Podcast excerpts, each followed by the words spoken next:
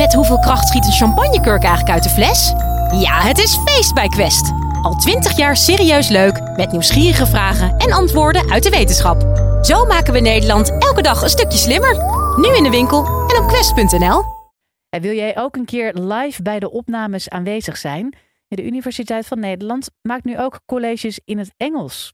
Op dinsdag 10 december hebben we vijf wetenschappers voor jullie in Club Air Amsterdam. Met de code podcast krijg je 50% korting voor deze opnames.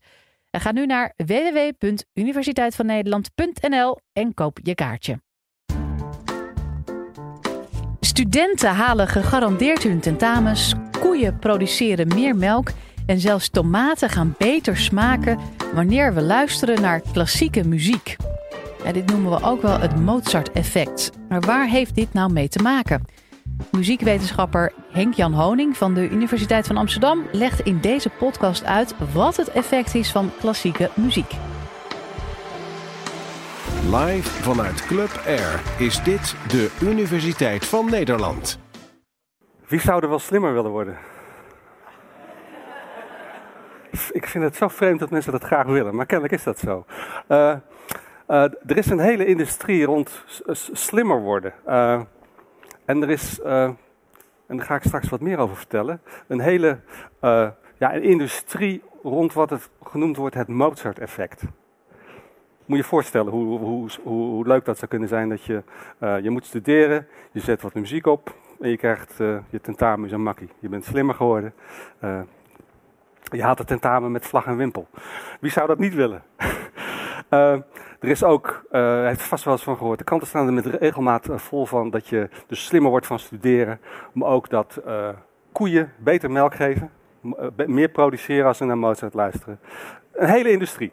Er is ook muziek om aan je kinderen te laten horen als ze opgroeien. Want je wilt toch vooral dat je kinderen een, een grote schaker wordt. Je hebt zelfs in, uh, voor zwangere vrouwen van die luidsprekers die je op de baarmoeder kan zetten. Dat ze alvast naar Mozart kunnen luisteren. Allemaal met het idee van nou, uh, baat het niet, dan schaadt het niet. Wat klopt daar nou van? Is dat nou allemaal larikoek of zit er toch een soort uh, waarheid achter dat idee? Um, ik wil het eigenlijk laten zien wat het idee was van het experiment wat, wat zo'n twintig jaar geleden gedaan is, waardoor nog steeds de kranten er met regelmaat over terugkomen. en in dat experiment werden studenten van 20 jaar, de studenten werden verdeeld in drie groepen. De ene groep moest 10 minuten in stilte zitten en kregen dan allemaal taken te doen om hun intelligentie te testen. je ziet dat die mensen dat die ongeveer een IQ van 110 hadden na afloop als je dat mat. Er was een andere groep die kreeg ontspanningsoefeningen. Die moest naar iemand naar een stem luisteren die allemaal hele uh, slaperig makende opmerkingen maakte.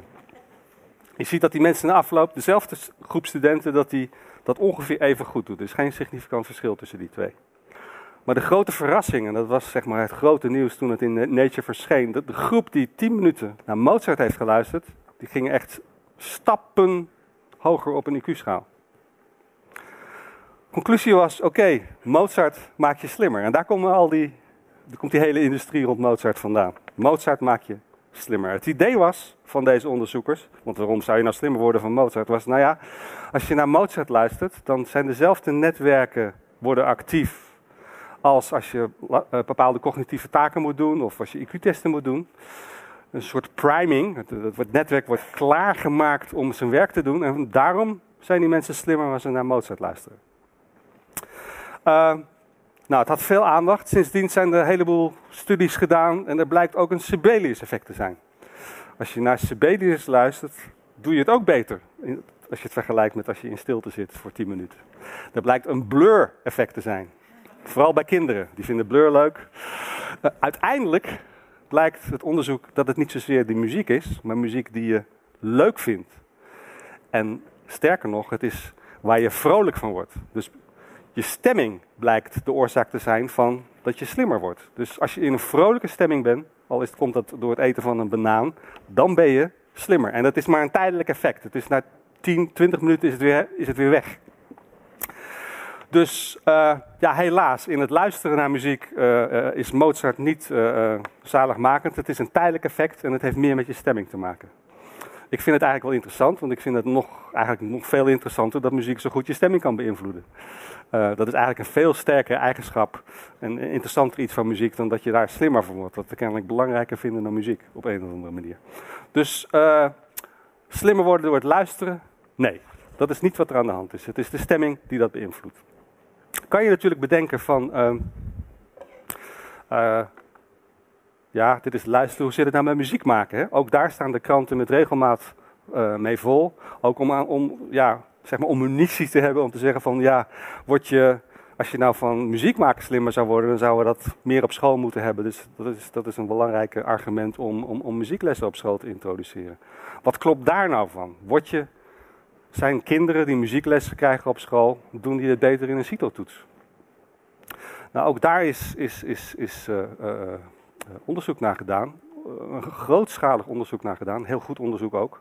Ehm, het is best ingewikkeld, maar ik ga even uitleggen hoe die opzet is. Zodat u ook een beetje het idee krijgt hoe ingewikkeld dit soort onderzoek is. Als je dat echt goed wil doen, zodat je echt conclusies kan trekken. Wat ze gedaan hebben is, in Canada ook weer, in de krant een advertentie gezet. Waar ze zesjarige kinderen of hun ouders uitnodigden om gratis muzieklessen te krijgen of toneellessen. Daar hebben honderden mensen op gereageerd. Uh, die werden vervolgens in willekeurige groepen ingedeeld. Die kregen ofwel een jaar muziekles, ofwel een jaar toneelles. Of ze kregen een jaar geen les, maar om ze niet te teleurstellen, kregen ze dat een jaar later. Uh, en dat was dan de controlegroep. Dus je hebt drie groepen uh, kinderen van zes jaar, die ofwel muzieklessen krijgen een jaar, ofwel toneellessen een jaar, of een jaar gewoon het normale onderwijs, maar geen extra lessen. Al die kinderen moesten van dit soort testjes doen, een week lang. Allemaal intelligentietestjes en cognitieve vaardigheden testen. Om te zien van wat, was nou, wat is nou precies het niveau. Vervolgens kregen ze een jaar lang muziekles, toneelles of geen aanvullend onderwijs. Vervolgens moesten ze weer een hele week van dit soort. Ja, het zijn toch vervelende testjes doen. Uh, en dan kon het IQ dus weer gemeten worden. En omdat.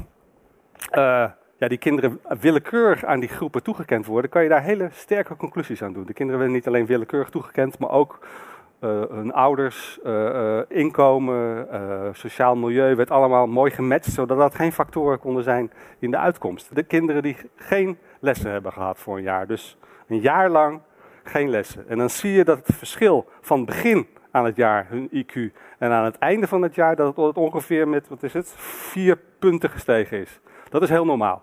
Kinderen worden vanzelf, als ze normaal onderwijs krijgen, worden steeds, het IQ gaat steeds iets omhoog.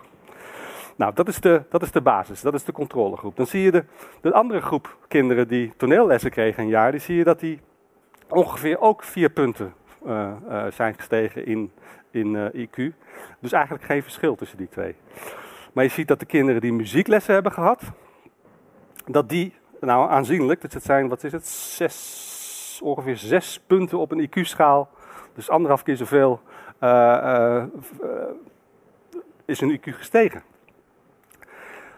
Door dit ontwerp, met willekeurige toekenning en door al, allerlei controles die, die, die, die, die heel belangrijk zijn om dit soort uh, onderzoek te doen, kunnen we echt de conclusie trekken dat dit niet een verband is tussen muzieklessen en er slimmer van worden en je cognitieve vaardigheden beter krijgen, maar echt een oorzakelijk verband. Het komt door de muziek dat je slimmer ben, beter scoort op allerlei cognitieve schalen. Dat is dus ja, prachtig en onopstotelijk in deze. Dus er is heel veel te zeggen voor, voor het muziekonderwijs. Het is alleen heel duur onderzoek, zoals je me voor kan stellen. Als je dit hier hebben ongeveer 150 kinderen aan meegedaan aan het onderzoek, Canadese onderzoek. En we zijn nu ook in Amsterdam begonnen om op lagere scholen om te kijken van wat zijn nou precies die effecten van muziek. Want we weten nog steeds niet wat aan muziek nou maakt dat die kinderen slimmer worden. Is het het spelen op het instrument? Is het het muziek lezen? Is het het samen muziek maken? Wat maakt nou precies dat ze daar slimmer van worden? Dat weten we nog niet. Maar dat muziek en muzieklessen de oorzaak van is, dat weten we wel. Dit was de Universiteit van Nederland. Wil je nou nog meer horen, bijvoorbeeld over de vraag waarom zoveel millennials kampen met een burn-out? Of hoe je een oogbal kunt bioprinten? Check de hele playlist.